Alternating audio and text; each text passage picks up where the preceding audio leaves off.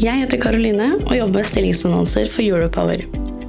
Europower har mer enn 7000 abonnenter, og podkasten du nå lytter til, har mer enn 300 ukentlige lyttere. Hvis du er på jakt etter ny jobb, se stilling.europower.no. Ta også gjerne kontakt med meg dersom du ønsker å annonsere ledige IT-stillinger i fornybar energibransje.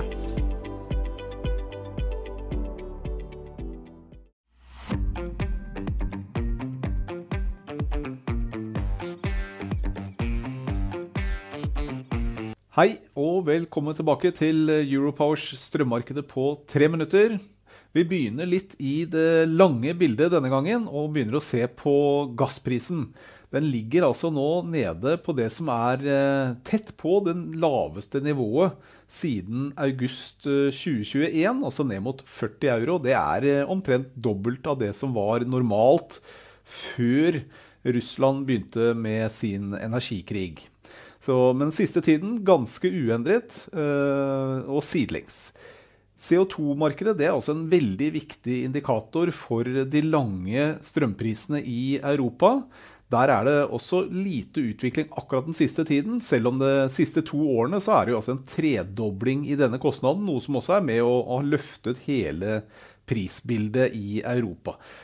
Den sidelengse bevegelsen den siste tiden den kommer altså på tross av at Europaparlamentet denne uken vedtok en ganske stor reform i dette markedet.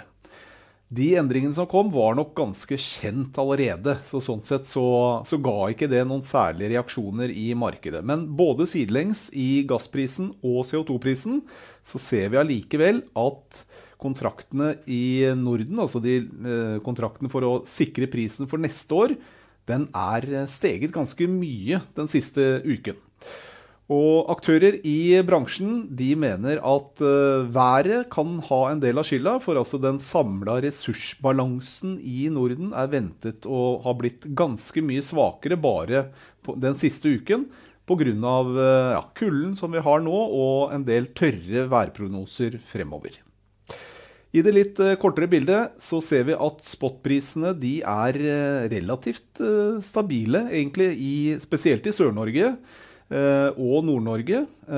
Nord Sør-Norge ligger altså på en 110 øre kilowattimen og har gjort det en god stund, og, mens Nord-Norge ligger da i underkant av 50 øre. Midt-Norge derimot, den svinger litt mer mellom det som skjer i Sør-Norge og det som skjer i Nord-Norge.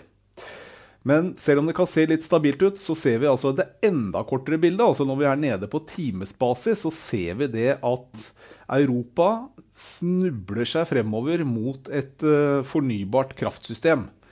I det siste, også de siste par ukene så har vi sett flere tilfeller hvor vi har hatt full kollaps i strømprisene. Denne uken så, så vi altså i Nederland så ble det altså ikke et priskryss, som de kaller det, for spotprisen på onsdag.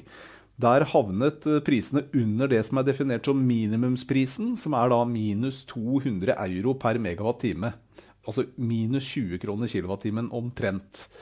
Eh, det ble en eh, ny auksjon, og da havnet prisen rett i overkant av minus 200. Det fikk liten betydning for de norske prisene, selv om vi ser det at det hadde en viss betydning for andre priser rundt Nederland. Forrige uke så, så vi noe av det samme, men da var det faktisk Finland. Og det er kanskje mer uvanlig at vi ser en så stor kollaps i det finske kraftmarkedet. Der var det altså full produksjon på alle kjernekraftverk, samtidig som det kom inn en god del vind i den nye vindkraftparken til Finland. Det gjorde at de fikk altså nullpriser eh, i noen timer eh, natt til torsdag forrige uke også det litt begrensa påvirkning på prisene, spesielt i Sør-Norge. Mens i Nord-Norge og Midt-Norge der fikk de altså årets laveste spotpris denne dagen. Også på fredag så ser vi at uh, Tyskland også der kollapser prisene ned mot nesten null pga. for høy produksjon av både solkraft og vindkraft. I eh, Statnett sin langtids, eh, langsiktige markedsanalyse så peker de på at de tror at eh, Europa skal kunne fint greie å bygge ut masse ny kraft i årene fremover. Det som kan ta litt tid, det er å balansere denne kraften.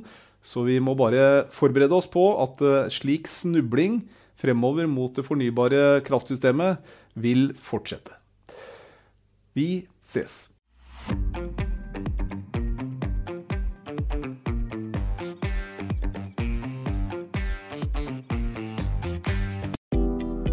Jeg heter Karoline og jobber med stillingsannonser for Europower.